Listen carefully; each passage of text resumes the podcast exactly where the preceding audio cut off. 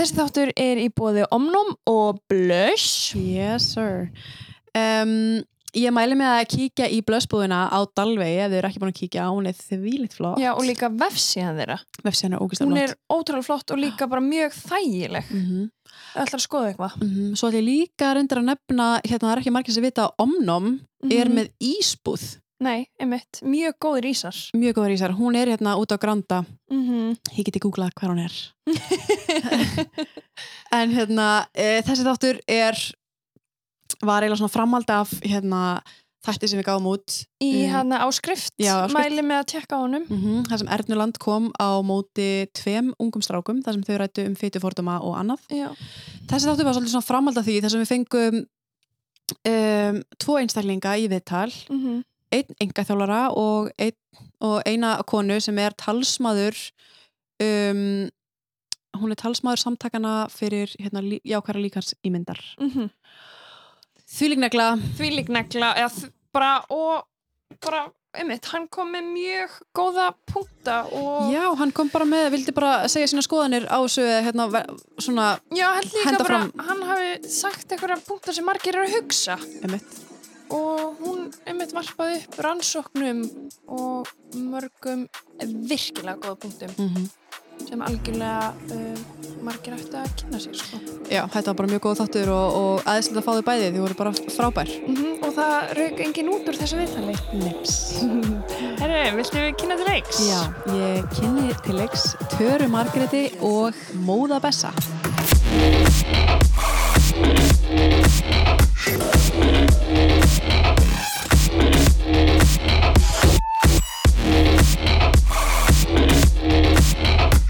Ég ætla bara að bjóða ykkur velkomin. Velkomin. Já, og ég, hérna, ég ætla kannski bara að fá að hérna, að spyrja ykkur hvað þið heitir kannski byrjum á þér.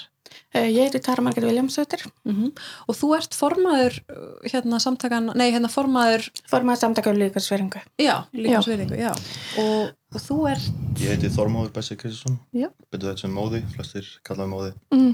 Uh, ég er engin sérfræðingur í neinu, ekki neinum samtökum en eitt en ég er ekki meinin af mentun, ég er ekki læknir, ég er ekki næringafræðingur, þannig að veist, uh, það sem ég er að fara að segja er ekki svona, kannski kemur ekki úr, úr rosalega professional átt, þannig séð. nei, nei, nei, bara svona skoðanir og almenn Já. Hvað ertu búin að vinna lengi sem engaþjálfari? Uh, rúmlega ár Rúmlega ár Já. Hvað hann, hvað ertu engaþjálfari? í World Class. Vörklass já.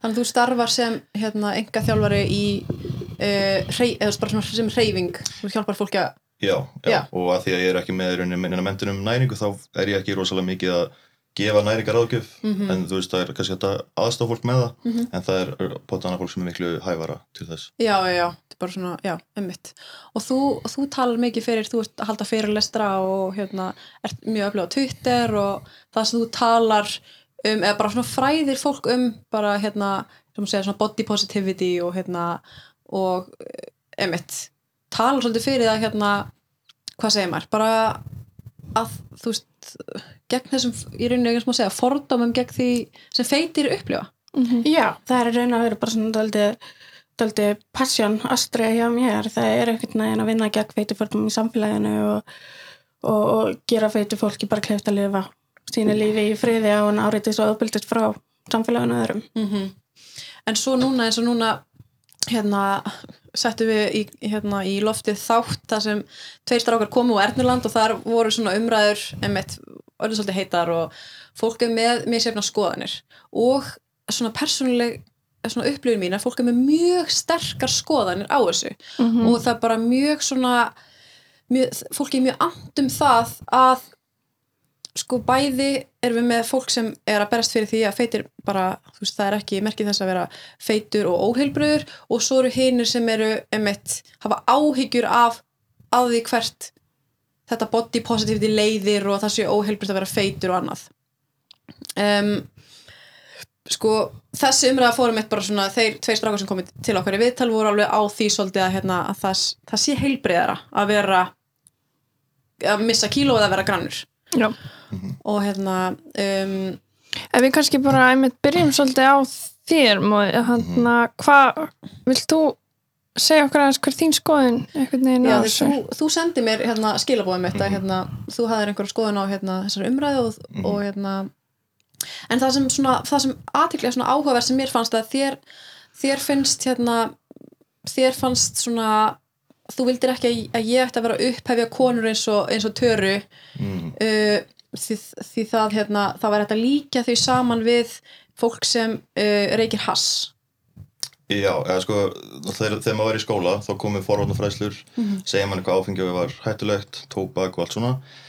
Og svo læri maður í skólanum í heimilsfræði að maður er að borða 60-70% brauð og eitthvað svona. Og það ekki náttúrulega verið, það byrjaði náttúrulega frá, þú veist, bóndum eru örgla en uh, það ætti líka að vera forvarn um að segja krökkum hvað er gæti mögulega verið hættulegt og heilsuspillandi að vera í yfirþyngd. Þannig að þú veist að vera fyrirmynd auðvitað er gott að vera body, body positive en mér finnst svo umræða ekki vera bara fyrir fólk sem er feitt. Ég meina body positivity ætti að vera fyrir alla. En er það ekki fyrir alla? jú, Mynd- auðvitað er það fyrir alla. Og, en ég held samt að það séu miklu fleiri stærri hópa, aðri hópar sem að upplifa sig ekki body positive. Og stundum finnst mér svona body positive umræðan vera að segja ok, okkur líður ekki vel eða veist, fólki líður ekki vel með hvernig við lítum út en annar hópur þeim líður bara vel. En það er ekkert endilega svoleiðis, það er fullt af fólki sem er í góðu formi sem er alls ekkert body positive. Mhm. og já, þetta er ekki endilega bara um að vera hvernig þú lítur út eða hvort sér feitur eða grannur. Það er, þú veist, þú fær forduma alveg sama hver þú ert. En, en, en þegar við tölum um sko, ég held að það, það sé held að segja það að feitir eru jaðarsettir. Ég myndi ekki segja sko að grannir einstaklingar séu beint jaðarsettur hópur. Mhm.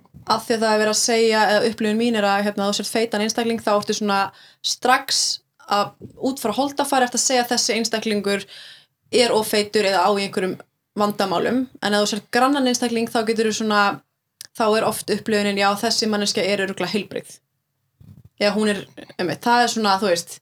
Já, en það eru líka fordómar að, að, að hugsa að grannamannskjan sé heilbrið og síðan, síðan er fólk, þú veist, ég, ég ætla bara að gefa mig það að giska það að þú fæði fordóma upp á hvernig þú lítur út.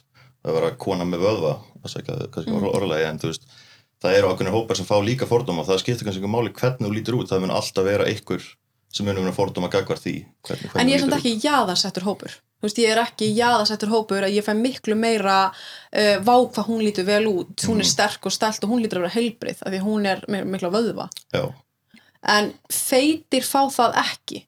Mhm, það er miklu, jú, vissulega sumir sko, en, en feitir eru samt uh, strýtt á skólalóðinni. Uh, vondikallin í, þú veist, teiknimyndinni er feitur og ljótur og, og skilur mhm, og það er þetta sem svona, þú veist, sem er áhugjöfnið já. En vondikallin er líka oft mjög massaður kall. James Bond og svona getur verið rosa massaður kall. Já, en samt oft sko hetjan, the hero. Ég meina eins og Jaws gæðin í James Bond bara svona sem ég gefa dæmi þú veist Mhm. að þá er hann rosa massaður og er þá svona rosa heimskur líka. Mm, já, það er kannski alveg hægt að segja það hérna að, að það er oft svona heimskir og vöðvastaltir kallar, Mhm. en það er samt ekki jaðarsettur hópur en hvað, ok, ég bara spyr fá fáfræði, hvað er jáðarsettur hópur? ef þú vilt svara því Það er raun að veru um, hópi sem verður fyrir kerfisbundnum mismunin og Mhm. það þýðir í raun að veru að hópinu verður fyrir mismunin í öllum kerfum samfélagsins. Það er að segja eh, hjá, af fjölskyldu og vinum, um, heilbreyðskerfinu, fjölmilum, um, í félagslífinu, atvinnumarkað, þú veist Mhm. bara alveg það er bara svona rauðrönd í, er auðvitað þráður að þeirra lífi. Það Mhm. er að verða fyrir uh, mismunin og það er aldrei löst undan mismuninni Mm það ást ég er ekkert skjól ef, ef svo maður segja -hmm. þannig að ég svona velti fyrir mér sko hvað hvað hérna eins og við vörpum bara fram mjög svona grunnhegginni spurningu bara svona þú veist að þú sér feitan einstakling um, finnst þér finnst þér til dæmis ef einhver, hvað er til dæmis að vera mjög mikilli ofþyngd? Myndur þú segja að er það ekki svona þegar við erum að tala um fólk sem kannski er að skerða lífsgæði sín? Veist, einhver sem bara Jú, klálega. Mm það sem þú ert komin á stað þar sem þú, þú veist, það er erfitt að gera hluti daglegar aðtafnir og, Mhm. og þá er þetta náttúrulega komin út í fyrir- af, þessu leiti en þá, þá er einmitt annað að, að ég held, að ég veit ekki en ég held að feitir einstaklingar fá ekki sömu réttindi og fallar einstaklingar sem að kannski ætti, ætti eitthvað sem að ætti, ætti að vera eitthvað sem að er hægt að breyta. En, en fyrir það fólk sem er feitt og er ekki að skerða lífsgæði sín þeir bara hreyfa sig og borða holt og, en eru samt feitir. Þá er það bara, þá getur maður auðvitað komið eitthvað, eitthvað fórdóm en þá er það frábært hjá þeirri mannesku en það getur náttúrulega verið eitthvað, eitthvað inn, uh, sérst, andli vandamál sem er að valda því að fó- fólk sé feitt. En ef við tökum bara einstakling sem er bara hann er hamingjus, hún, hún eða hann er hamingjusamur hamingjusum, mm hún er feit. Af hverju þarf hún að grenna sig, þú veist?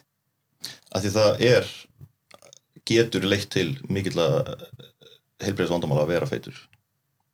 En, en eins og en, þú veist, getur grannur einstaklingur ekki líka?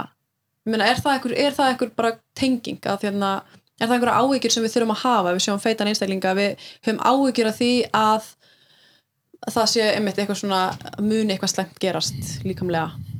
Sko það er klárlega fylgni þarna milli.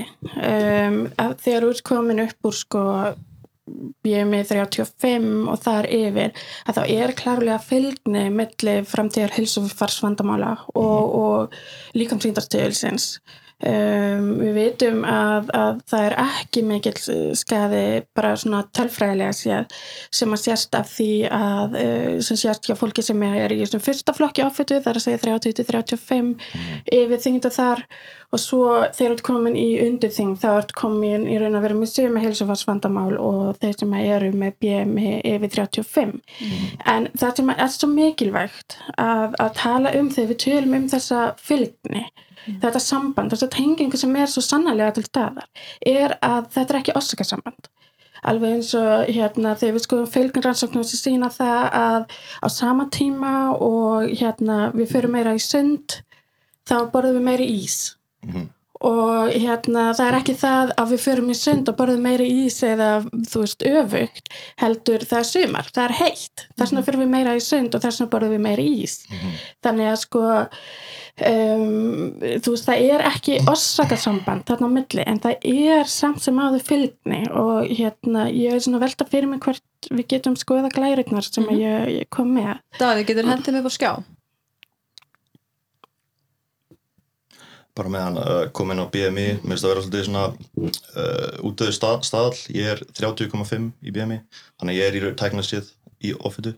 En það er, þú veist, af því að ég er með vöðva í staðinn, en það þýðir ekki endilega að það að vera með vöðva sé heldur ógætlara heilbreykt ef þú ert komin upp í mikla yfirþyngda vöðum líka þá ertu að fara í sömu uh, orsaka sambönd af helsuvasvandamálum og, og þú varst að nefna, þannig að Mm Mér finnst merkilegt að svo segja þetta þegar ég er líka í, í BMI sem er eitthvað 28 mm um, sem, sem myndi teljast sko ef það var ekki mynda mér að neitt þá myndi, ég, þá myndi vera eitthvað svona möguleg áhyggju efni sko. -hmm. og þannig svona velti stundu fyrir mér með þetta hérna BMI sko hvort það sé einhver hvort það sé raunverulega Þetta var, stuðlinn var raun að vera fundin upp til þess að fylgjast með, að þú veist, hann, hann er best nýttur til þess að fylgjast kannski með breytingum yfir tíma, en hann er rosalega lélugur í því að reyna að ákverða heildafar, uh, hérna, heilsufar hvers og eins og ég reyna að vera líka holdafar, þannig séð sko, þú veist, eins og, eins og 40% og annað, hann var aldrei búin til til þess að segja fyrir um heilsu. Mm um, en, en hérna en mér langaði svona að því að mér finnst líka áhugavert að þessi samlíkingin uh, í raun að veru uh, offita og, og hastreikingar að, að hérna það segir mér þaldi að þú horfir á uh, holdafær sem hegðun mm. holdafær sem afleðinga hegðunar Já. og mm, hérna mér langaði mitt líka til þess að fara yfir það og mér langaði til þess að mitt nýta þessa fínu glæri sem ég kom með að eftir. Davíð gæti nú varpa þessu búið skjáin En það er klálega afleiðing af hegðun. Eða, eða þú veist, ég meina hvar byrjar annars vandamálið ef það er ekki hegðunar vandamál Um, sko, til þess að byrja með þá er holdafar uh, það hvernig við um, það hvernig holdafar okkar er sem fullurna einstaklinga er 70-80% erðatengt um, það er sama hlutfall og ákvarðar hæð okkar. Uh, restin er auðvitað umhverfistættir og hérna og, og það eru til dæmis um, sko það eru margir þættir sem að koma að því að ákværa þyngd okkar. Um, við hefum búrið á 100, kjensla 108 uh, í dag og við hefum eftir að byrja kjensla miklu fleiri. Og uh, þú veist, þetta, þetta er þeim skipt í líffræðilega, umhverfislega og, og samfélagslega og allt það.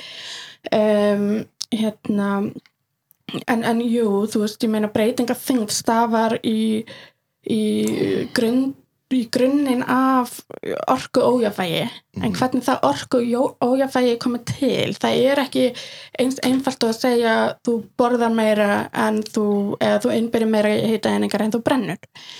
Um, til dæmis á þeim tíma sem við höfum verið til dæmis að, að þengjast hvað mest upp á 1980 uh, það hafa ymsar breytingar orðið í umhverju okkar. Og til dæmis maður nefna með um, hérna þú veist efni sem að kallast obesogenic sem að finna til dæmis í plastmengun og annað uh, stór aukin notkun á geðlifjum sem hafa mikil áhrif mm -hmm. á, á þengt okkar og svo er það líka í raun að veru meðrunar innæðurinn sem er núna ég held að, ég held að hann velti 200 miljórum dala mm -hmm. á ári hérna í, í heiminum öllum mm -hmm.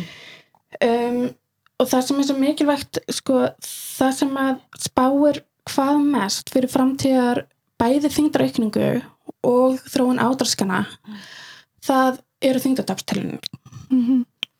um, já, þetta er sem sagt kortið sem við höfum um, um hérna, það þættir sem við þekkjum og þeim er skipt í alls konar uh, þætti um, þannig að hérna sem að mynda síðan hérna kjarnast í orku ójafæði þannig að þú veist og, og, og hérna uh, Fórst þú hérna einmitt sem segir hana hvað? Að vera forsa sem sagt hana Dietary meir, habits já, mm -hmm. já, það er þarna. Emme. og sko þegar við reynum að, að sko líka með okkar þróast í, hefur núna þróast í gegnum miljara ára e, til þess að halda í sem mesta líkamsfittu og þetta gerðan til þess að hérna ég raun að vera bara að lifa af að því að þú sér áður fyrir það vissum við aldrei hvena næsta málti kom og við byggum bara við mikla hungursnei og þá var það í raun að vera mikil þróunlegur svona kostur að geta haldið í við uh, hérna eins mikla, mikla líkamsfittu við gátum. Um, þegar við förum í megrun eða reynum að léttast og reynum að hafa áhrif í gera reynum að vera orku uh, orku uh, jafnveið neikvægt, þessum að segja þá upplifir líka með það aftur sem hungursnei hann getur ekki gert greina í minna millir þess að þú ert að reyna að léttast og þetta er eitthvað sem þú vilt og bara hungursneið eins og í gamla þetta mm. þannig að það sem hann gerir, hann kemur með ímjömskan og mótvægis aðgerðir sem eru þú veist að slaka brennslinu uh, vera með rosalega mikið kreyfings í hérna, fyturíkan og kálvetnaríkan mat mm. um, að, að hérna þú, vilt, þú verður líka með neyðið til þess að gera svona sofa kartabla mm. og þetta eru áhrif sem að hafa verið rannsókuð í áratíu og eru vel þekkt. Þannig að þegar þú reynir að léttast að þá er það ekki bara einhvern veginn viljin uh, sem, sem að ræðu för. Þú veist það er bókstallega bara ósýðráða tögakjara sem að tekur yfir líkamann. Mm um, þannig að þegar við horfum til sko uh, allar þingdatapstilrunir enda þannig innan 5 ára að 95-98% þeirra sem að fara í, í hérna að reyna að léttast þeir komast aftur upp í uppalega þingd Mm -hmm. sama hvaða aðferðir fóru til þess að gera það uh, sama uh, hérna, hvaða léttust mikið til þess að byrja með tveir þriðju enda þingri heldur en þeir eru byrju út af þessari tilhengi líkamast til þess að sapna sem meiri forða mm -hmm. þannig að við erum að horfa það að sko 50% Íslandinga á meðli 18 til 79 ára eru í mærun eru að reyna að léttast að hverjum tíma. Við þurfum ekki, við eigum ekki að vera svona hissa á því að við séum að þingjast mm -hmm. um, þannig að þú veist það þetta, það, þetta með að þetta sé bara um, þú veist aflegging hæðunar eða, eða, eða þú veist þetta er svo mikil ofri einföldin og þetta er eitthvað sem sprettur upp á því sem við kallum í raun að vera personubundin eignin, það er að segja við við, við hérna Við viljum meina það að feitt fólk eigi sé látt gráðugt og, og allt það eftir höndunum og eigi útskofun sína skil, skilda vegna þess að það er þeim að kenna þau eru svona eins og þau eru í dag eða þú veist að þetta hendur fyrir því hvort sem það er slemt heilsufar eða, eða fordumar og þetta er raun að vera samar rögnættu fæsland og hefur verið notað þú veist í fordumum gagvart eh, hins eginn fólki eh, fólki sem býr við fátækt eh, er notað í drusluskömmun þannig að þetta er, allt, þetta er sami mekanisman bakvið og þess vegna erum við raun að vera að reyna að fræða fólk um þessa umhverfistætti sem að við, við ráðum lítið við og, og meira segja þessar ráðleikingar sem hafa verið uppi núna í ára tíu um að við erum að reyna að stjórna þyngd okkar eru raun að vera skadaleg eru að gera okkur feitari í dag uh, hérna stuðlega þróun ádraskana og þetta er ekki þetta er ekki hlutlust ferli sem við förum í vegna þess að álægið þyngdar sveiflur uh, hérna, þú veist, þessa, þetta jójó sem að fólk er endalist í að því að það er alltaf að reyna að vera heilbreyðara og, og, og, og grannra að þetta hefur svakalega mikil áhrif á hjarta og æðakerfið og efnaskipta búskapin og þetta þingatapstilrunir eru sjálfstæður á þetta þáttur fyrir öllum kvillum sem við tengjum vennilega við offitu sem er hára blóðröstingu, sykursíki 2 þannig að, þannig að þegar við tölum um offita leiður til verri heilsu þá verðum við aðtjóða það að hérna, já, getum við fengið aðra glæra? Já, getum við fengið næstu glæru? mm um, ég held að þessi síðasta glæran. Já, akkurat. Sko flest hugsa við að þetta sé bara svona bein lína holdafar, heilsufar. Þetta er bara orsaka samband, holdafar veldur verra heilsufari. Það sem við horfum ekki á eru allir þessi þættir sem að koma hérna til sem að valda verra heilsufari meðal feitra Þetta er ekki bein lína. Fytufordumar og mismunin, uh, þú veist, álægið á, á, eins og ég segi, hjarta æðakerfi og efnarskipta búskapinu hérna líka að vera fyrir fytufordumum. Uh, það að búa við fytuforduma eigur líkur að snempa um dauða um 60%. Mm -hmm. Uh, félagsli stað og jáðsætning er stærsti áhrifaþátturinn á, á helsufar okkar og, og líflíkur. Það er bara þannig og eins og við fórum yfir áðana þá er hérna, þá er feitt fólk, jáðsættur hópur. Um, lagra heilbreyðstjónusta uh, hérna, við tölum mikið um það að til dæmis feitar konur eða þú veist bara feitt fólk er líklega til þess að mynda með sér krabbamenn um, sko rannsóknir hafa sínt það trekk í trekk að sérstaklega feita konur eru óleiklega til þess að fara í skimin uh, fyrir til dæmis legalskrabba minni mm. jáfnvel þó svo þeir hafi áhyggjur af uh, krabbamenns engjunum og það er fjölskyldusagað um krabbamenn og þegar það eru spurður af hverju fer ekki skimin það er það bara, þú veist, það er ekki aðgengi fyrir mig. Slappatur of litlir uh, þú veist, bara sætan er ekki nógu stór fyrir mig. Mér líður illa, ég viktu gegn mínu vilja, ég fæ ræðu um þingd mína gegn mínu, mínu vilja. Um, einn stæð sem var mjög sláandi það var hérna kona sem var komin upp á stólinn og hún var búin að byggja lækninum að lofa sér að tala ekki um þingd sína. Þegar lækninum var komin með puttan inn í hana þá byrjaði hann að tala við hana um það kynnt að þess ofbeldi í mínum huga. Um, hérna, þannig að lagra heilbreyðstjónust þar sem fólk fær bara þú veist, ráleikingar um að, um að léttast. Segjum að ég fer með uh, eða fe feit manneski fer inn með skattan hnýja Mhm. uh, þú veist til læknis, ég er miklu líklega til þess að fá í raun að veru ráleikingar um að ég fara heim og reyfa mig meira og léttast uh, heldur en að fá tilvísinu sjúkraþjálun og myndatöku um, og þess vegna forðust við helbriðstjónustu uh, fordómar þetta, eh, veist, þetta, þetta er allt eitthvað sem að hérna, finna saman. Þannig að sko fyrir fordómar og mismunun leiða líka til verið heilsuvenni það er bara þannig þú veist að, að það er mjög algeng rauksendafærsla við verðum í raun að veru að smána feitt fólk til heilsu.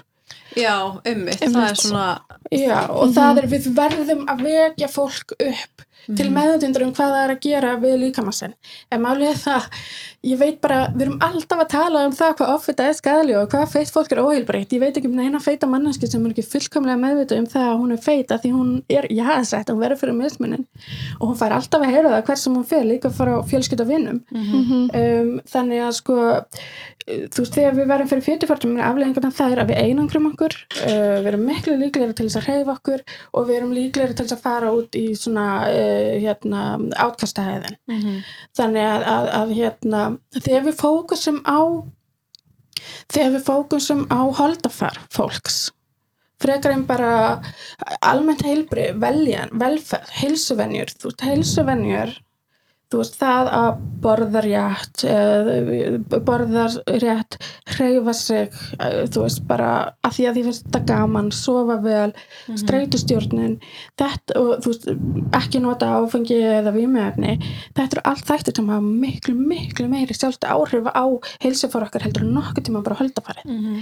uh, það er betra fyrir feitan einstakling að vera áfram feitur fyrir að fara í einhver hérna, uh, hérna held, held, heldur en að fara í Fara í einhver jójó. þingdarsveifli sko. Já.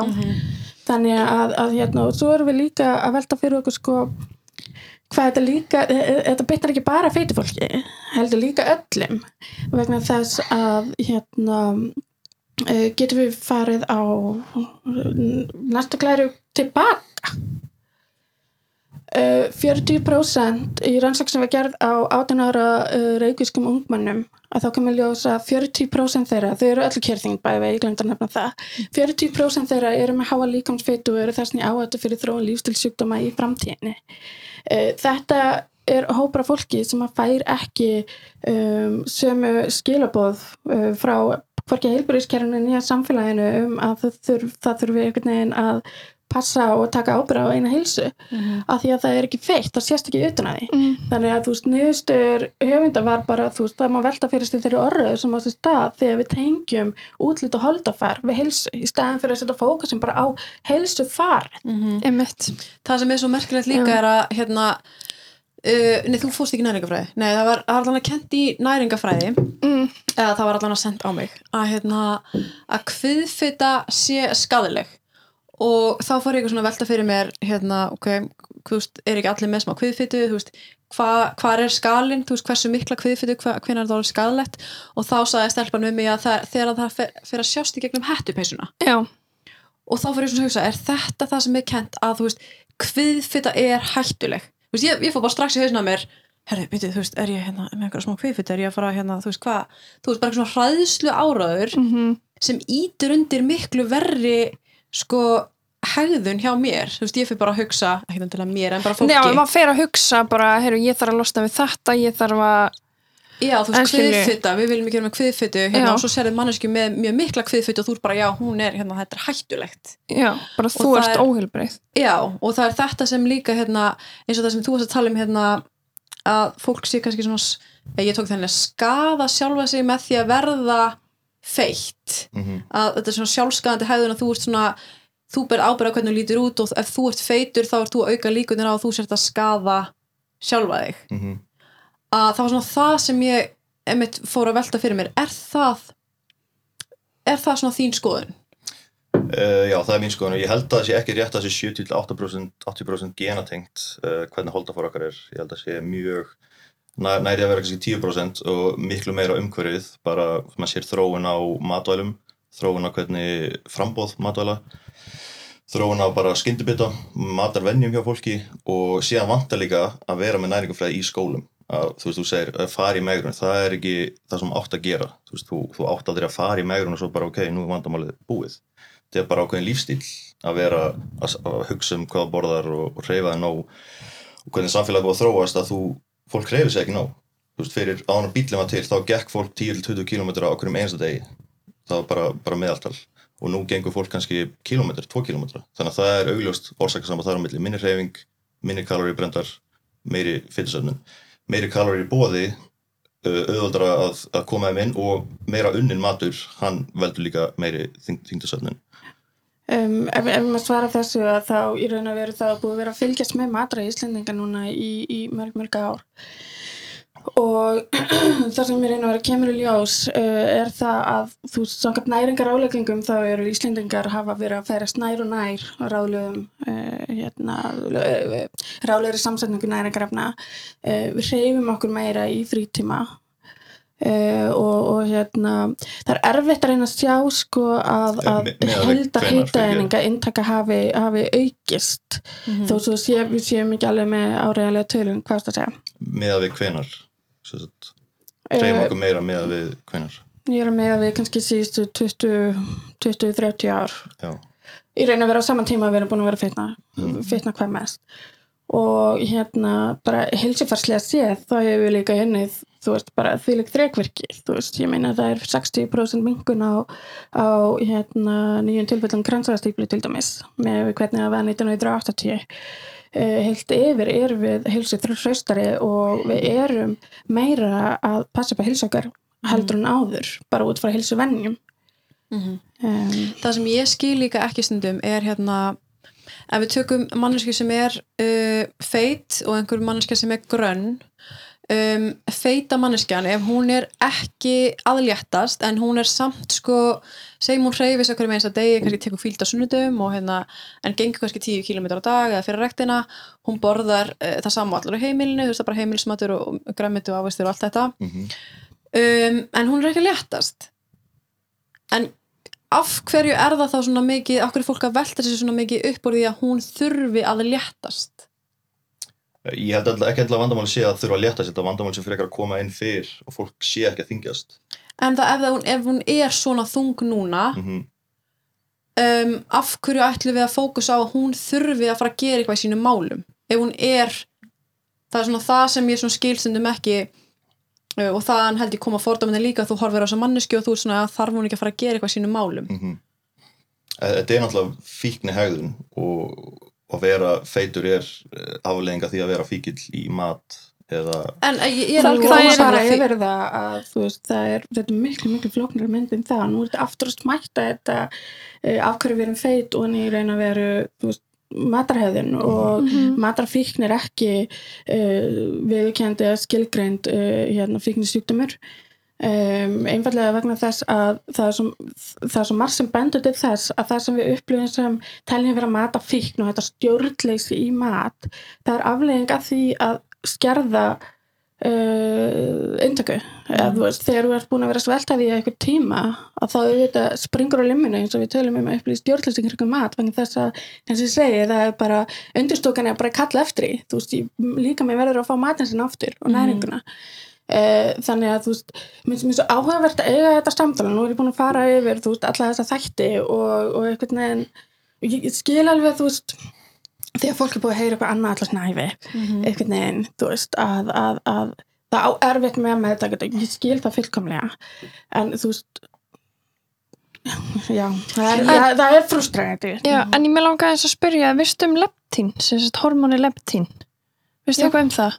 Kannski verið til ég, að þú veist, bara út í vorum að þú talaði einmitt um þess að þætti, þá fór ég að hugsa einmitt um einmitt leptín sem ég hef lært um í, Sko ég man eftir að hafa sko lesið um það og það er rannsóknir sem voru gerðar á sama tíma, ég veit ekki alveg hvort ég get En er það ekki bara útskýrt það núna en það er Nei. raun og verið, leptin er raun og verið bara svona um, stýrir matalist matalist sem sagt Já. í undirstúkunni í heilanum. Og þú veist, í kringum ég, man, ég held að það hef verið í kringum 1990 sem að það tókst að einangra þetta hormón. Mm og þetta átt að vera einhvern veginn þú veist, guðskjöf einhvern veginn hún getur komið við fyrir feitt fólk og fyrir faradalinn og, og allt það. Um, og þetta gekk upp í músum. En þegar þegar maður byrja að gera hérna að gefa fólki leptín feitu fólki þá, þá gekk það ekki. Þannig að, að hérna. Ég velti ég bara fyrir mér þetta einmitt sko, þurfum við ekki líka er þetta ekki tvent ólíkt að vera uh, með einhvers konar sko, að vera í offitu þar sem þú kannski bara eins og við séum bara ekstrím dæmi í bandaríkjónum eða þar sem þú bara gjörsamlega getur ekki staðið upp úr sófanum eða bara uppréttur. já, eða bara, þú veist. Og svo við erum að tala um bara feitt fólk. Bara við erum að tala um konu eða kall sem er bara feitur og hann er bara hamingjusamur svona feitur og hann bara gengur upp esjuna og hann er að borða holt og eitthvað en hann er ekkert að léttast og kannski langar bara ekki til að léttast. Af hverju við erum með þá hugmynd að hann þurfi að léttast? Þú þurfum af alltaf að hafa áhyggjur af honum. Já, okkur erum við að hafa áhyggjur af einhverjum sem er fullkomlega heilbriður það er svona það sem ég er að velta fyrir mér. Uh, við kannski skilgjörna hvað það er að vera heilbriður og bara- ég held að svart og hvítu allt annað jæmt, eitt sem er grannur, eitt sem feitur þá er það að vera feitur merki það er bara eitt og sér er óheilbrið En hver, hver er skilgrunni þín einmitt á heilbriði? uh, kannski þetta skilgjörna svona tvo eða þrjá vegu. Mm -hmm. kannski tvent að vera annarkvært huglegt heilbrið og það er eins og segir að þú hann er bara ánægur hann gera, getur gert allt sem hann eða hún getur gert allt sem Þú veist, fer og fer fram á rúminu með jafna orku yfir daginn og allt í góðu skilur en síðan svona hlutlagt heil, heil, heilbreið þá kannski ferðu til læknis og tekur blóðpröfu eða heilsufar skoðun. Það er ákveðin, ákveðin markers, blóðmarkers, blóðfita eða kólesteról eða, eða hormónar eða eitthvað svoleiði sem eru í óheilbrið jafnvægi og það er bara, veist, búið að miða út mm -hmm. sagt, eh, viðmið við það. Og að ve- að vera feitur, að vera þú veist, hæ- hærri þyngd er sagt, einn af þessum markir að vera þyngri En nú erum við, nú erum við bara búið að gera margar rannsóknir líka og búið að taka marga blóðpröf og alls konar einstaklingum og við erum með feitan einstakling sem er að stuðla öllu þessu heilbreyði við erum að tala um hann er að borða sama og við öll og hérna er að hreyfa sig daglega. Og fyrir blóðpröfu og bara alla blóðpröfur eru bara fullkomnar en hann er samt feitur.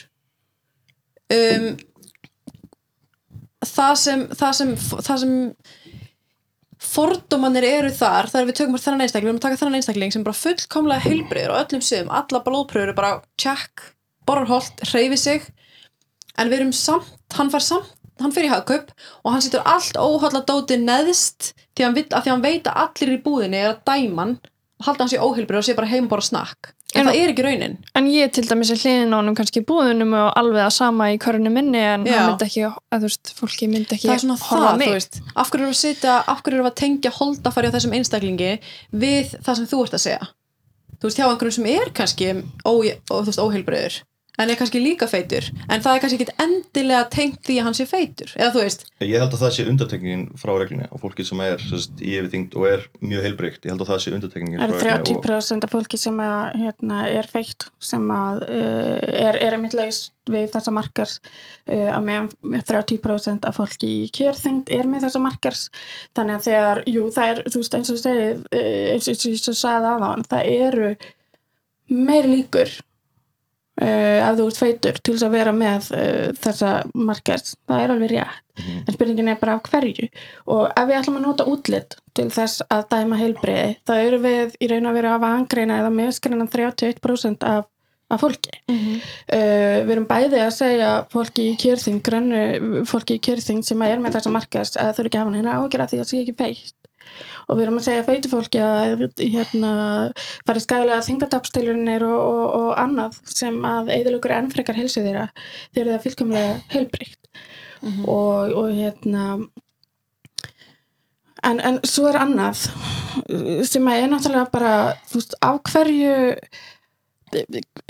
segjum að 100% af feitu fólki sé óheilbreykt segjum að það væri orsakasamband annað milli er lausnin að smána þetta fólk og, Nei, og, og reka það, vera stöðt að tala um það hvað það er óheilbreykt og, og það verða að passa sig, það verða að fara í enn eina megrunna uh, það hefur ekki sama aðgengi að heilbreyðiskerfinu við.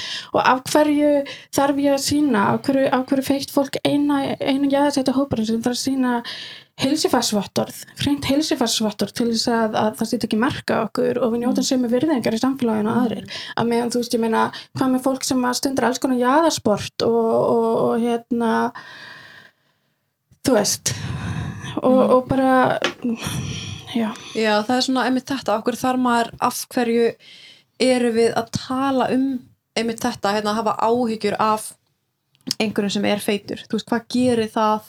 Að því að hann sem er feitur gerir sér bara fullkomlega grein fyrir því að hann sé feitur. Mhm. hann bara veit það og það þarf ekki, það þarf ekki að segja hún það.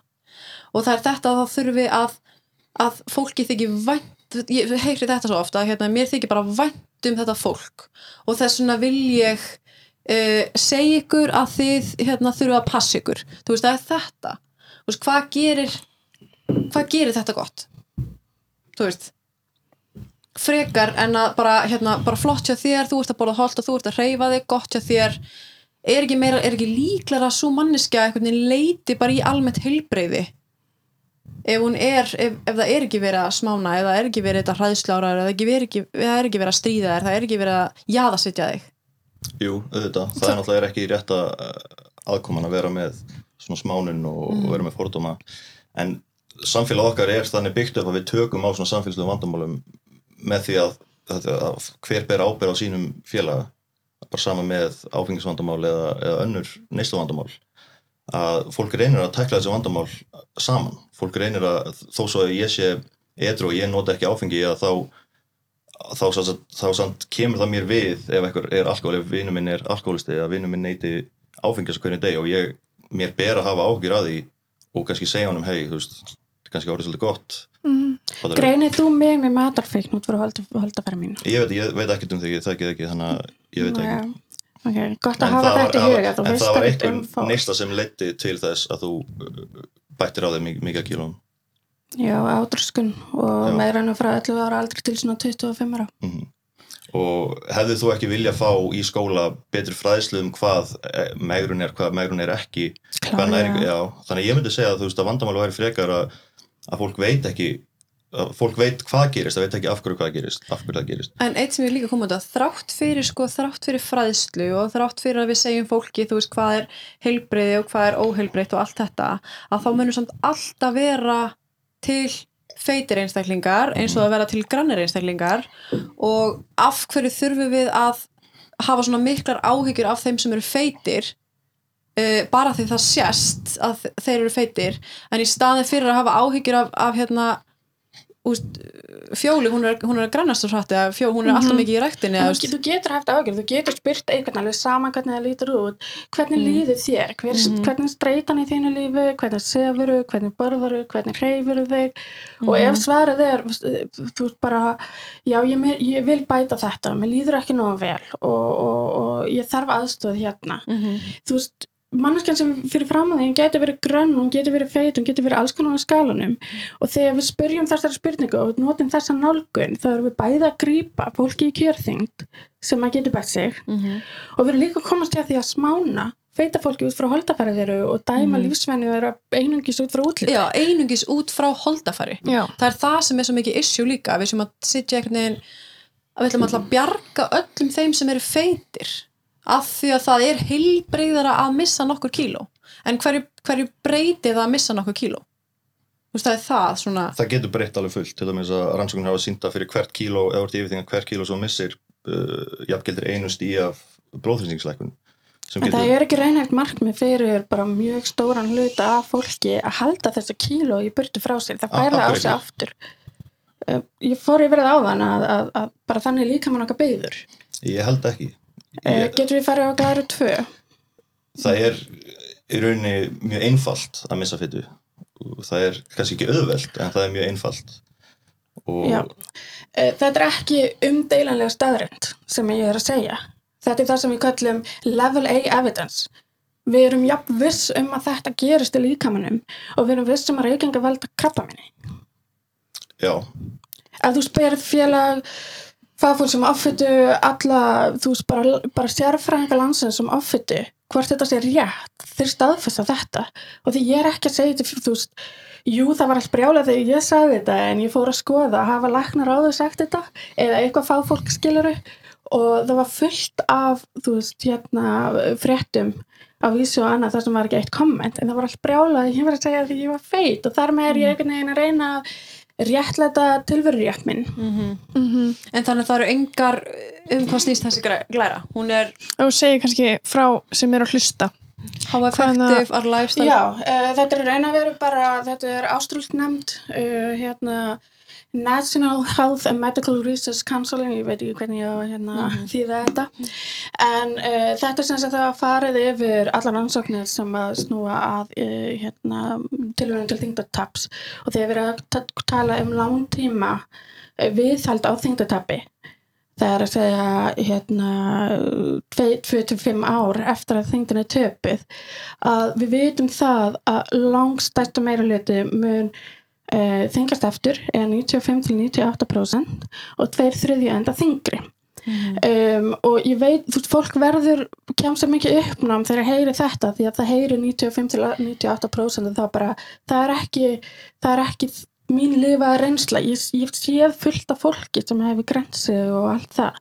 En það er fólk ofta að horfa til skemmri tíma. Já, já, já. Og það er líka sko ef við segjum 50% af Íslandingum eru meirun það eru 137.000 manns.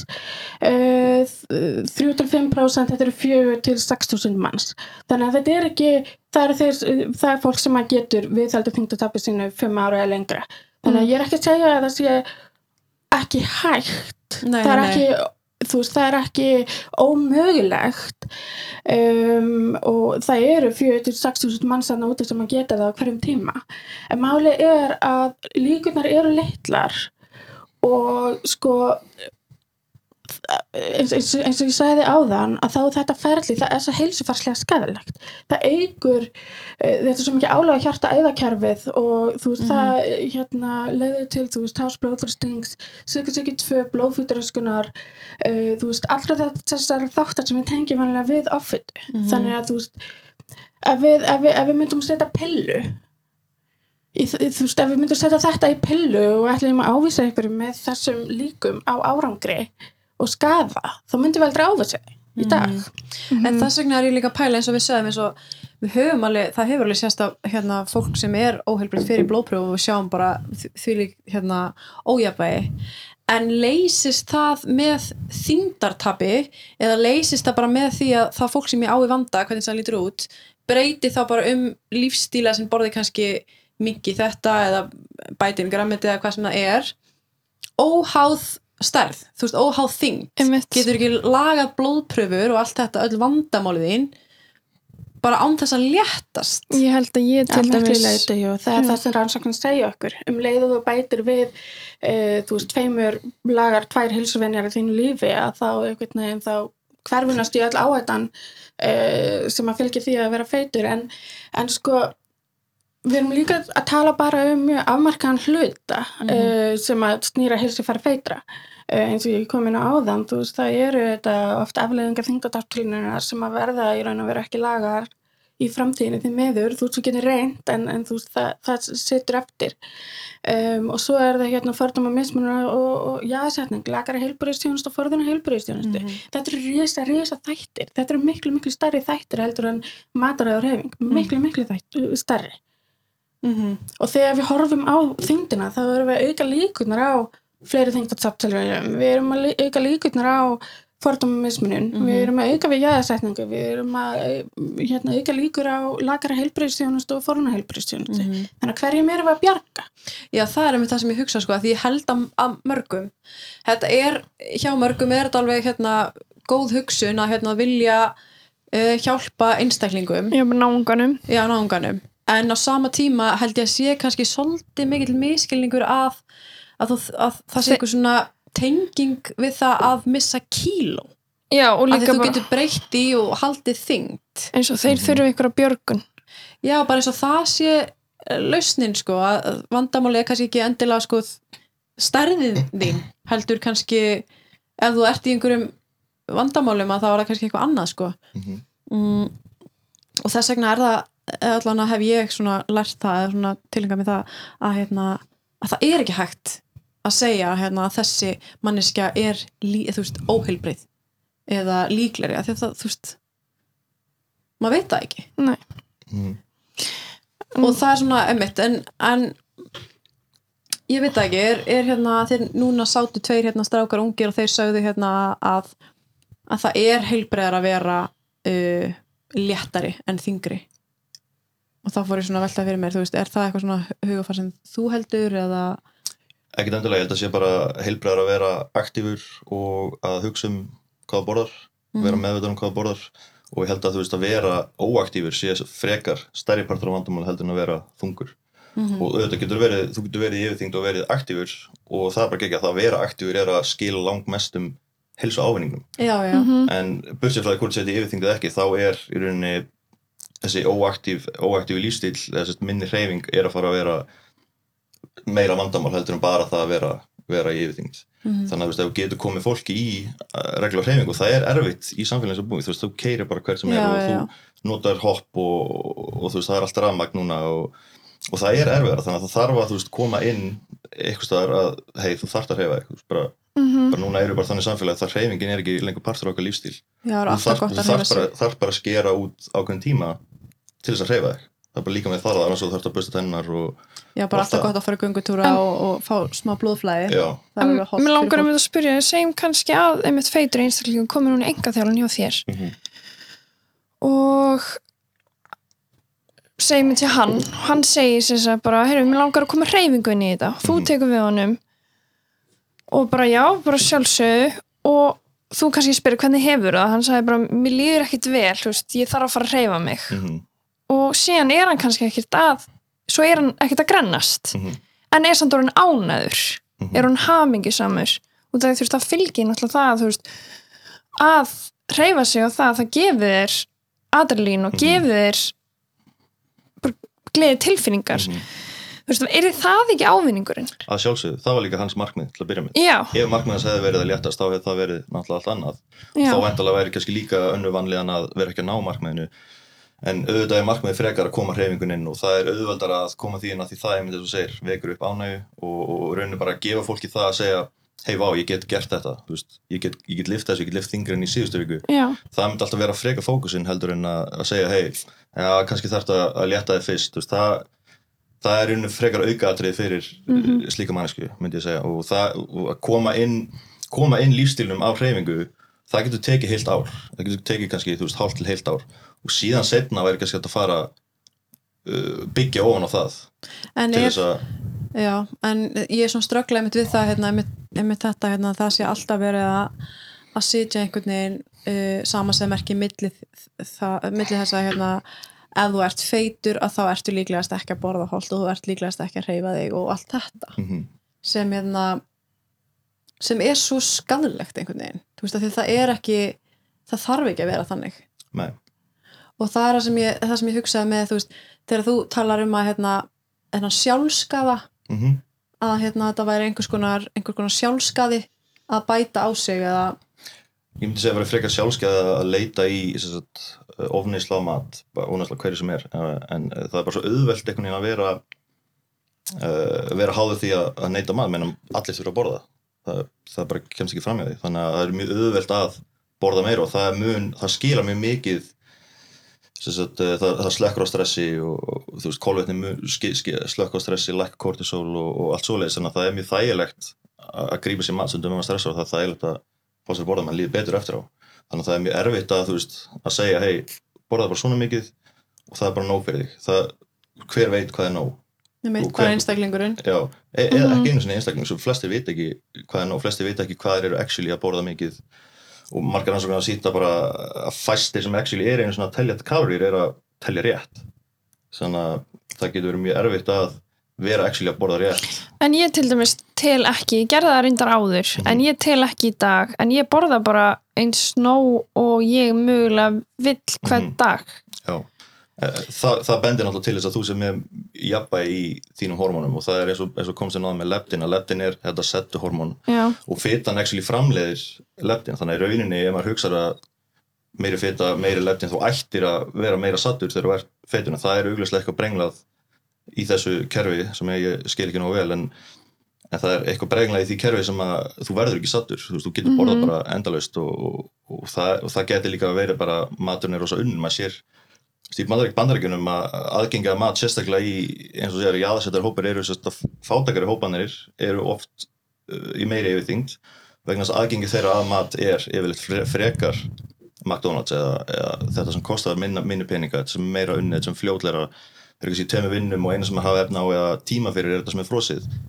Það er alveg rétt, en það er líka annað vinkjöld sem við tölum rosalega lítið um þegar við tölum um þetta að veitt fólk er líka jáðsett, það er líklega til þess að til er að læra stjættum og, og búa í slíkum hverfum vegna jáðsetninga sínar, veist, það, það fær ekki vinnu, það er ekki með hérna, feita konur í 10% líklega til þess að búa við fátækt, þannig að það er líka feitara fólki er líklega til þess að búa þar, veist, það er ekki eins og ég segi, það er fylgni. Fylgni er ekki það sama og orsakasamband. Það er tengt á milli en orsakasambandið getur verið öfugt, líklegast er að blanda Mhm. þú veist, ég er ekki að segja að, að þú veist, það sé 100% skýringin og það er nefnilega það sem að vera svo polarísirandi, þú veist, ef að ég kem með þessa skýringu að þá teljið þið, eða þú veist, þá teljið þú að, að það sé eina skýringin skilur við, það er það ekki, það getur verið blanda af þessu tvennu. En, en já, Þetta er rosalega flókið vandamál sérstaklega en, en þetta er vissulega vandamál. Og, og fólki er að fitna, bara tölunar eru bara að hækka þetta er í línulegum vexti eins og ég kvoti hérna Þórólf. að þetta er línulegum vexti og þetta er fór frá 30-37% hérna á Íslandi síðustu 15 ár. Og það er engin ekkert að hægast á þessu þannig að við horfum bara fram í, fram í 50-100 ár að þá er mögulega 50, 60, 70 80% allt í hennu orðnir í yfirþyngd. En erum við þá að tala um BMI?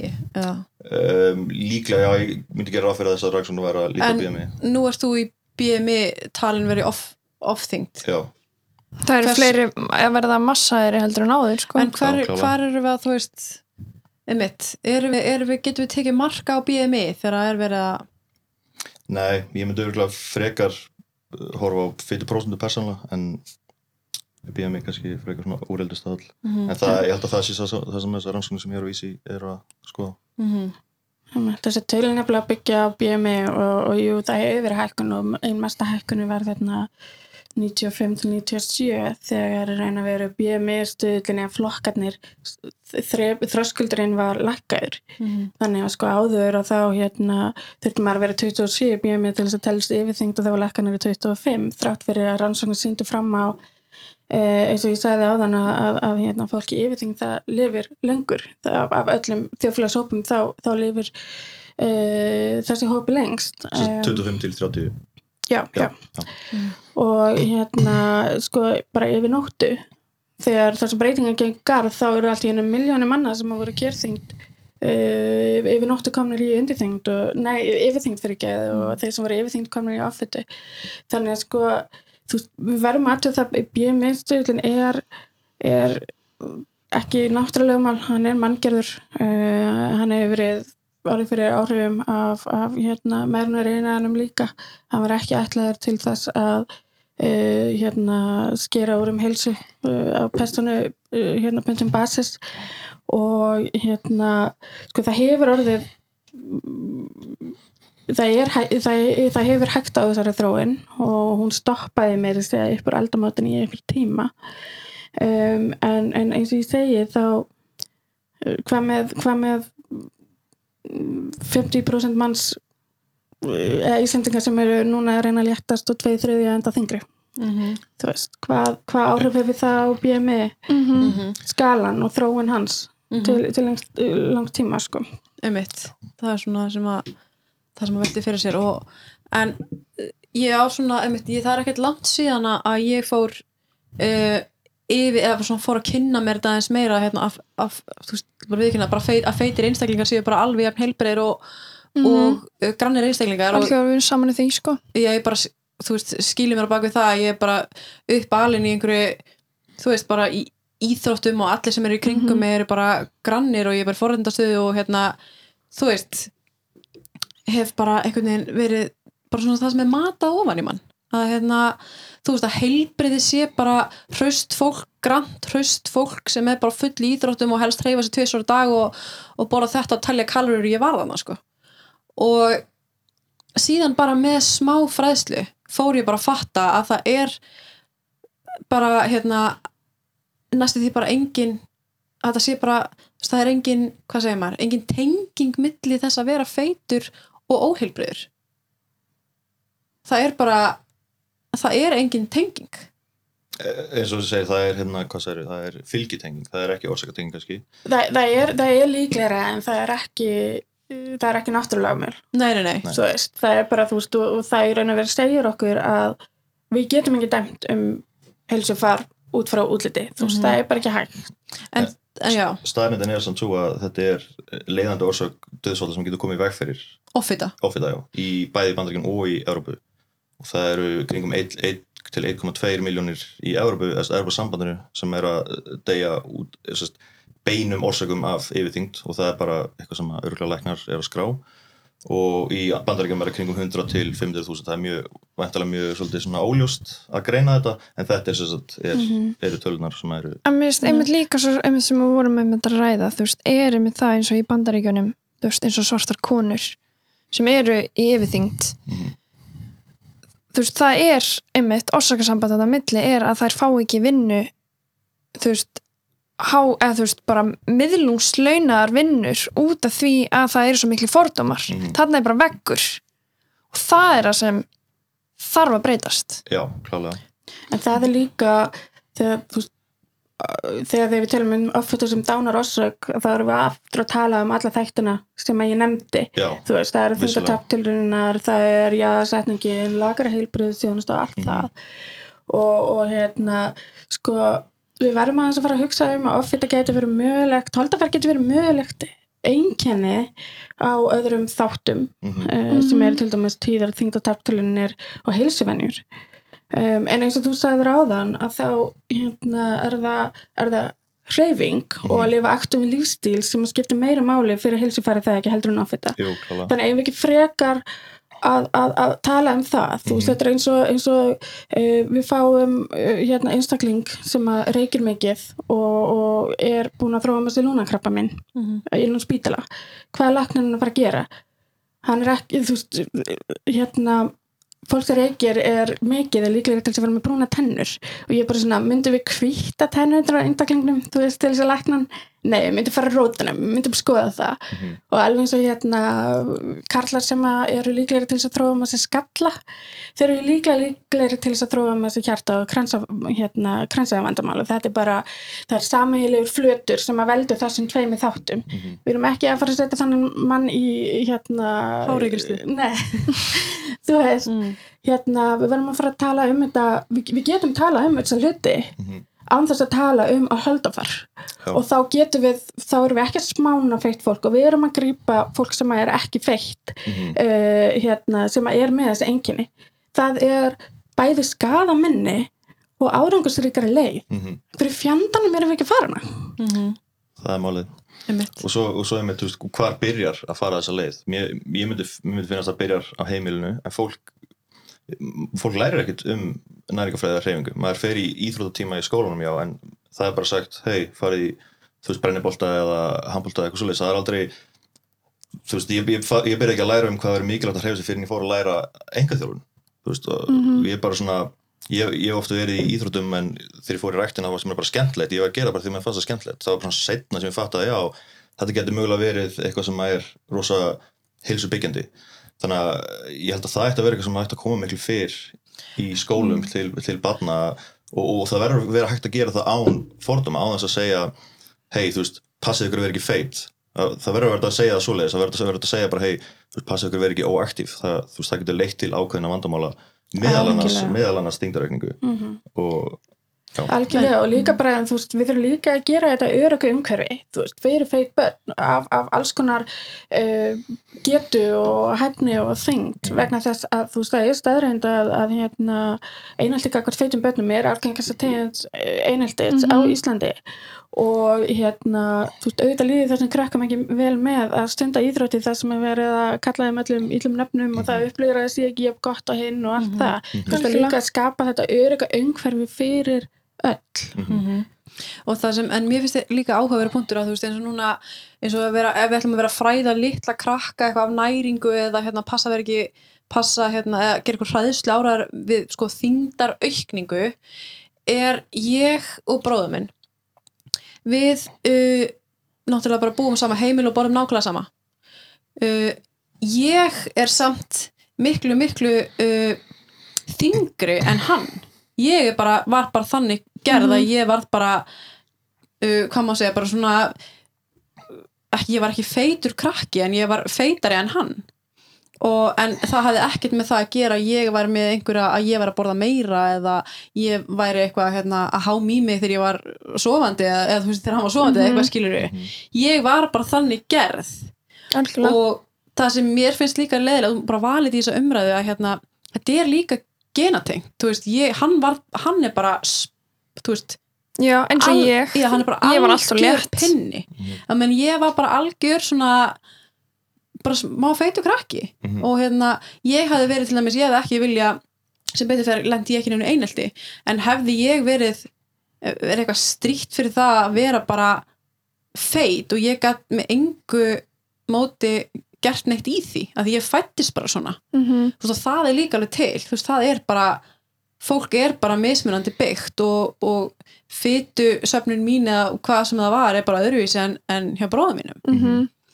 og uh, þess vegna finnst mér ekki endilega, ég veit ekki þegar, þegar krakkar eru það litlir í grunnskóla það þurfum eitthvað að verið að hérna, að fræða þessa krakka át því að þú veist krakkarnir geta ekkert um, ég hefði ekkert geta farið út í búð þegar ég var í grunnskóla og, og ráðið hvað var í matinn skilur við Nei, en, en þetta þarf ekki að vera eins og segja hræðslu áráður það getur verið bara forvarnir eins og sem að sína sig hafa, hafa, er að virka að áfengisneisla hérna á Íslandi er mun læri enn í öðru Norrlundum Mhm. og fólk segir að það sé uh, forvörðum að þakka sem að getur mjög vel verið En það er forvarnir, það er alveg rétt, veist, við erum íslenska mótalið þegar kemur að, uh, áfengisnæslu og, Mhm. og, þú veist, við erum til fyrirmyndar í því, en það var farið, það, þessi leið var farin, sko, við náum þessum árangri vegna þess að það var lögð áhersla á að efla íþrótta, uh, hérna, yðkun, krakkana og tómstunda Mhm. og meiri samverustundum í fjölskyldu, þetta snýrast ekki um þetta gerist þegar þú drekkur áfengi og þetta gerist fyrir alkoholista, fattur veist, Mhm. þannig að, Þa, að það var svona forvörð sem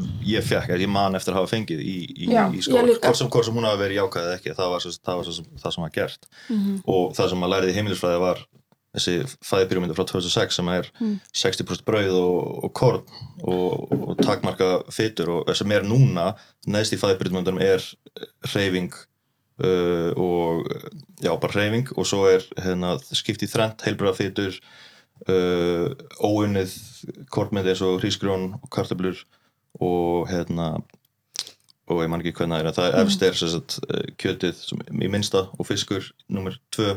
Og svo nummer þau skipt í þrent heilbæra fytur brauð og ég man ekki hvað þrjá var. Mhm. og ég held að það sé, þú veist, heilbæra náttúrulega fyrir 15 ára það var það sem ég heyriði borðaði 60% brauð. Mhm. og eins og segir, ég get ekki farið út og, og keifta en ég get samt, ég kem heim og ég sé hvað er á borðinu og ég hugsa, já, ok, þá, þá ég heyrði, í skólanum og þetta var gott að borða. Þú veist, þetta mótar alveg hegðun, Já, já, mótar já. hugsun. Það sem að velur. Já, og það, það þarf einhvern að passa að þetta sé rétt og, og læknar er ekki að fá nógu mikla næringaragjöf og, og þess vegna held ég líka að feitt fólk mæti uh, fordóm í heilbærskegnum en þess að uh, læknar er ekkert að mentaðir um uh, hvernig þess að þingdarstjórnun virkar og þeir segja mér bara farið heim og hreyfðu þig.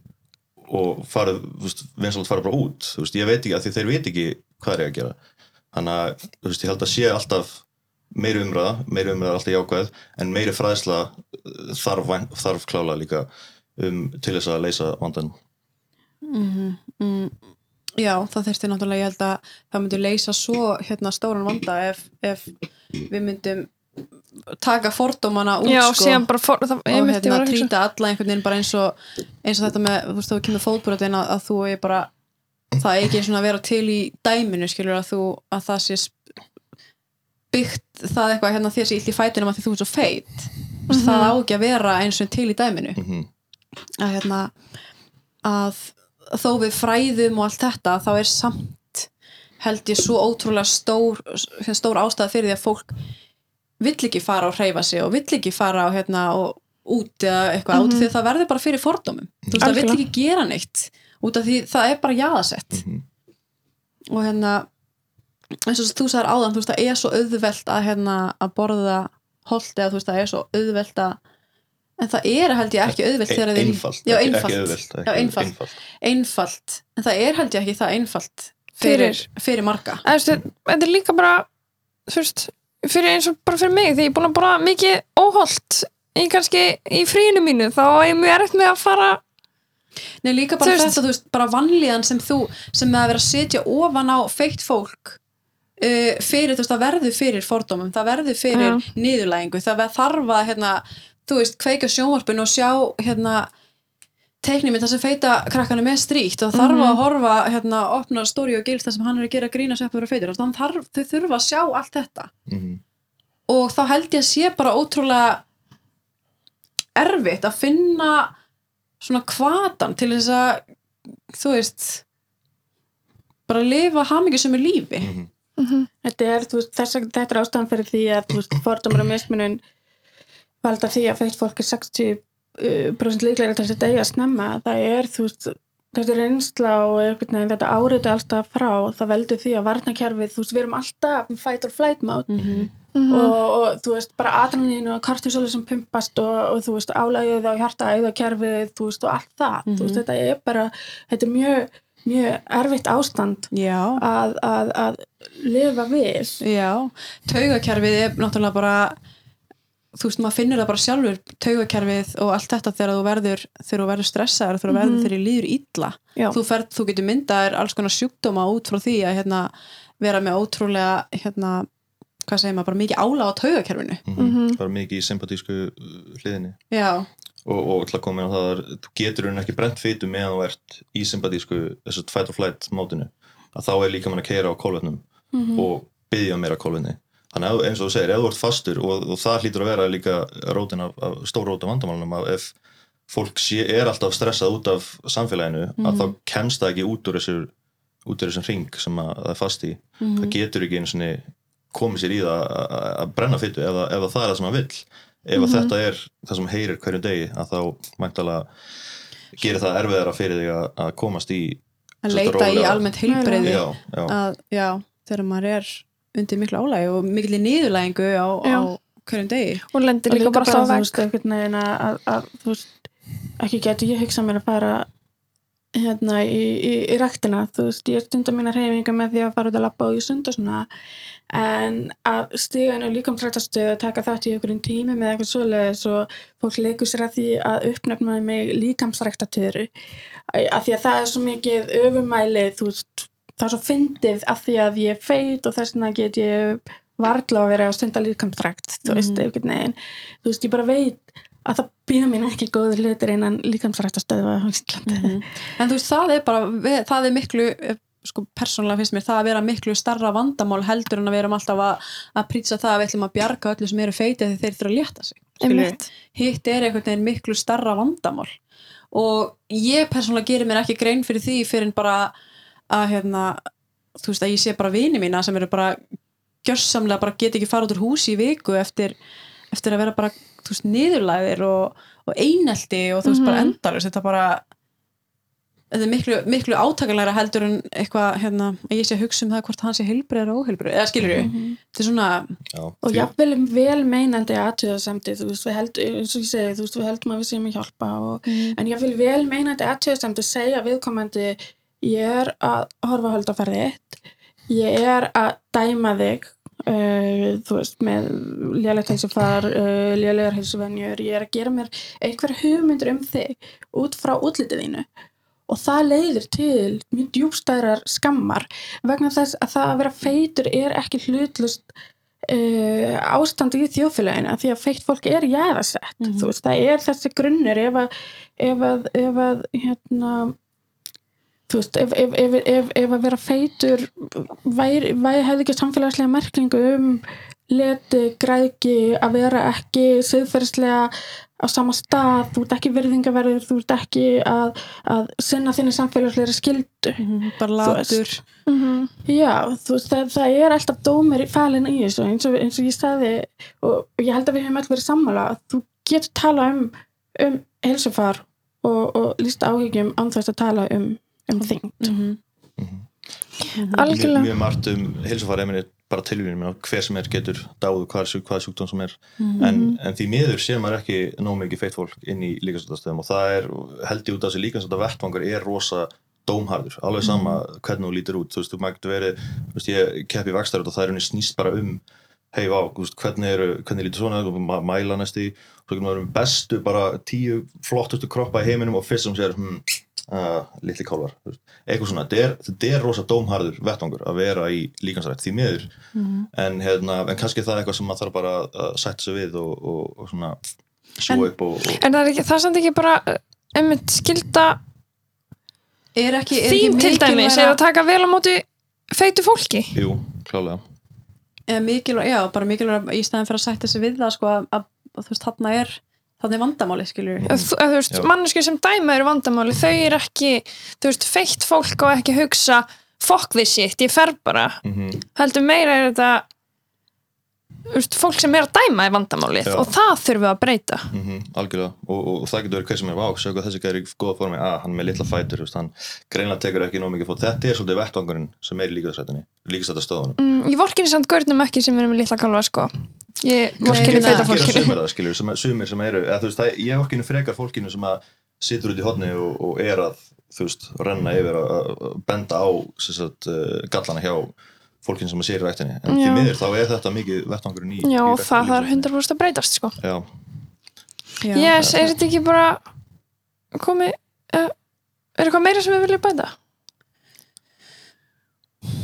mm, ég meina, nei, það er hérna það sem, það sem ég er svona ennþá samt að, að hugsa um bara svona hérna hvað myndi alveg vilja heyra frá bara svona eins og þér og þér hverju hvaða er sem sem ykkur finnst svona þurfa að breyta samfélagslega mm Mm. Uh, ég held að eru bara að breyta því að hann fæntala þarf að breyta heilbískerfinu mjög mikið og ég, ég heldur hún að, að allir upplifa ykkur að fordóma en vissulega eru ákveðinu hópar sem upplifa fleiri fordóma en aðrir. Þú veist, ég fer mjög sjaldan til læknis að því að ég upplifa þessa vöðafordóma og, þú veist, og hann, hann þú veist, kemur alltaf inn á eitthvað svona, svona hei, vá, svolítið mikið vöðum þú veist, og getur verið að leiða til ákveðna vandamála og, og, og ég held að þú veist að að læknar þurfa að vera kannski hans hlutlusari veist, þeir eru hlutlusir, þeir, þeir eru með að þeir eru ekkert að vera að vinna út frá einhvern skoðunum. Þannig að ég veit ekki hvað, hvað er hægt að gera alltaf bæta það, en það er klálega eitthvað sem ég held að þyrfta að bæta bara almennt í heilbíðskerfinu en heilbriðskerfinu eða bara samfélaginu? Kannski bara, þú veist, hugarfar læknana, þeir eru hlutlusir þeir eiga að vera hlutlusir en okkur er bara læknana það, það, er það ekki eða ef við tölum bara um bara svona samfélagið bara svona, þú veist, einmitt þetta hérna, hugafarið með að, hérna, að einstaklingar sem eru feitir þurfi að gera eitthvað í sínum málum. Þú veist, er það er það þannig, þú veist? Ef þeir eru, ef þeir eru í sjálfskapandi vítarhing, þá kannski já. En ef ekki þá bara live and let live. En, hérna, en eh, samfélag okkar er rauninni byggt upp þannig við, við erum að passa upp á hópa sem er í sjálfskapandi hegðun við erum að reyna að grípa þau úr sjálfskapandi hegðun en, en, en af hverju erum við áætla að, að feitir einstaklingar séu í þessari hegðun, þú veist það er það sem ég held að sumir sem eru feitir einstaklingar séu í sjálfskapandi En af hverju spurjum við ekki bara? En af, ef, þú veist, að við, ef, við, ef við gungum bara út frá því við getum ekki dæmt neitt við getum ekki dæma þennan út frá holdafæriðinni eða Mhm. þig eða þig. Þú veist, af hverju erum við að hafa áhengjur af einhverjum sem við vitum ekkert um ég veit ekki, er það ekki bara mannlegt eðli en er það ekki bara, based, er það ekki bara byggt af því að þú ert að dæma hann út frá holdafæri ekkert endilega út að holdafæri, bara hegðun uh, en ef mannsku ekki neitt, þú sér bara myndaðin hún er feit. Að að hvað þá? Að hérna, af hverju erum við, af að dæma af hverju erum við að hafa áhengjur af einhverju sem við þekkjum ekkert? Uh, ég held að bara frekar ekki ákveðni manneskildu bara samfélaginu sem held að þetta sé samfélagslega vandamál alveg svo mörg önnur samfélagslega vandamál og það þurfa, þurfa að vera hægt að tækla þetta án fordóma og án pushback frá uh, þess, þessum hópi. Veist að það verður að vera hægt að ræ- ræða þetta á þess að segja bara hei það, það er alltaf heilbreytt eða það, það Mhm. ég getur alveg verið heilbreytt, já þú getur alveg verið heilbreytt en þú getur líka verið Mhm. óheilbreytt og það verður að vera hægt að ræða það. Já, já, en ég er svona að velta fyrir mér eins og, eins og þú hérna, eða þú sagði mig að hérna, það væri kannski ekki gott fyrir mig að vera upphefja konur eins og, eins og töru og þá fyrir ég að hugsa ef, ef, þekk, ef við tökum það bara Já. dæmi ef, ef þú þekkir hana ekki neitt Mhm. þú ert að dæma hana út frá holdafari Þú veist, af hverju erum að gera það? Uh, ég var ekki til að segja dæman út, út frá holdafæri, ég að segja þú veist að að vera fyrirmynd fyrir ungt fólk að segja að sé alltaf læg að vera vera í sem sagt, uh, vera feitur það er alltaf læg að vera feitur en það, það gæti verið ákveðinir áhættu þættir og þú verður að vera meðvitaður um þessa áhættu þætti Mm. en okkur, já, en okkur þú að hafa ágjörð því sko. það er svona meira Eða bara fólk yfir höfuð, Já. þú veist, af hverju við að hafa ágjur af huga ekki áhyggjur af fólki sem að keirir á hratt í bílum Jú, jú, en ég er að segja, þú veist, við erum að, við erum að hafa ágjur af því út frá holdafari, við erum ekki að hún hafa er ekki að skada, af jú auðvitað en síðan er aukumæður sem er að keira getur skadað einhvern annan heldur en bara sjálf Ég veist, það er enginn að hafa ágjur af mér það er enginn að hafa ágjur af mér og ég er ekki um, þú veist, það er ekki margir að hafa ágjur af þér. Uh, við erum að hafa áhyggjur af feitum einstaklingum af því að við sjáum að þau eru feit. Veist, það er það svona sem ég, ég næ ekki alveg utanum af hverju ég er að hafa áhyggjur af einhverjum based on holdafari. Já, þú ættir ekki, ekki að hafa áhyggjur af því en þú getur haft áhyggjur af því að því hann er óheilbreyður mm en vitum við það ekki bara með að taka manneskinn í blóðpröfu eða x-ray? Uh, Jú, við náttúrulega getum ekkit vitað um að lækninu getur kannski skorið út mm úr um það. En þá, er- þá er það, þú veist, ekki einstaklingum heldur tala á blaði sem er sem sagt, frekar það sem ættum að hafa ágjör frekar mm Mhm. -hmm. ákveðnum einstaklingi. -hmm.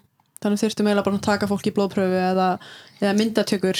Já, mér finnst í raunin að heilbærskeður ætti að vera þannig, þú fer með bílinn í skoðan tvekja þryggja ára fresti og þú fer, ég, ég, ég hef ekki farið til í svona almennilega skoðun hjá lækninga skil viðtal, en eh, mér finnst ég ekki fá nóg, nóg mikla heilbærsstjónustu eins og bílinn minn fær þegar hann fer í skoðun. Mm -hmm. þannig að ég held að það sé kannski frekar veist að að bæta það. Já, mér finnst það hérna, að þá kannski fólk gæti kannski haft áhugjur af að hérna, fólki að það sér þá kannski tölurnar. En mér finnst fólk oft hafa áhugjur af sko feitum einstaklingum ekki vitandi neitt um, Um þeirra tölur. Mhm. það er svona það sem hérna Einmitt. og ég held að þaðan koma einmitt, það, það er bara svona fordómar gagvart þeim sem eru feitir Mhm.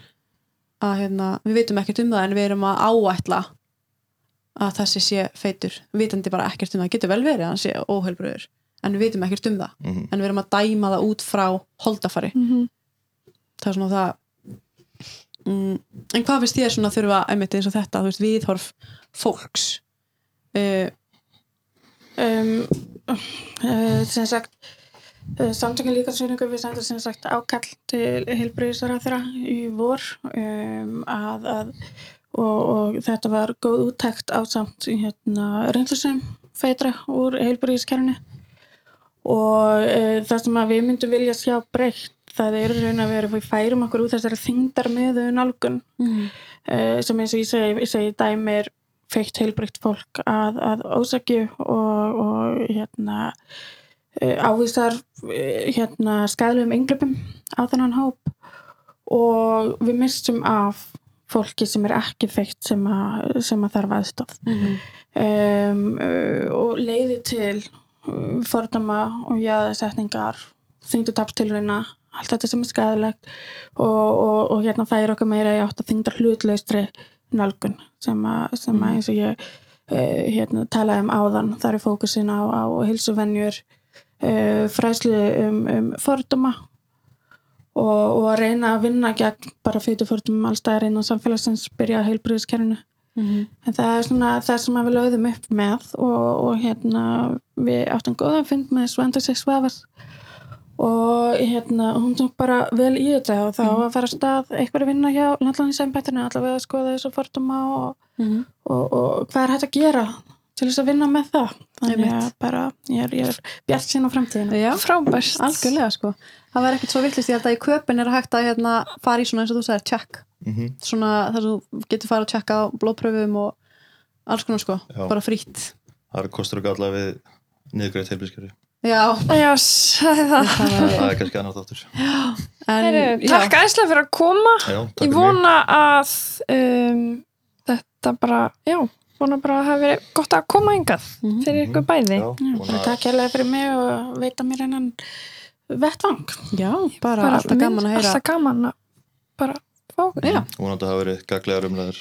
Já, það er alltaf, ég held að það sé svo margir sem hafa einmitt bara þessar hugsanir og bara fínt að hérna heyra, þú veist einmitt, þú ert mjög vöna að hérna, tala um þessi mál og, Mhm. og hérna gott að fá, mér mér er allan mjög gott að heyra bara útskýringar, þú veist, ég hafði ekki séð þess að glærur áður og, Nei, hérna já, þannig bara takk að þetta fyrir að koma Takk fyrir að koma.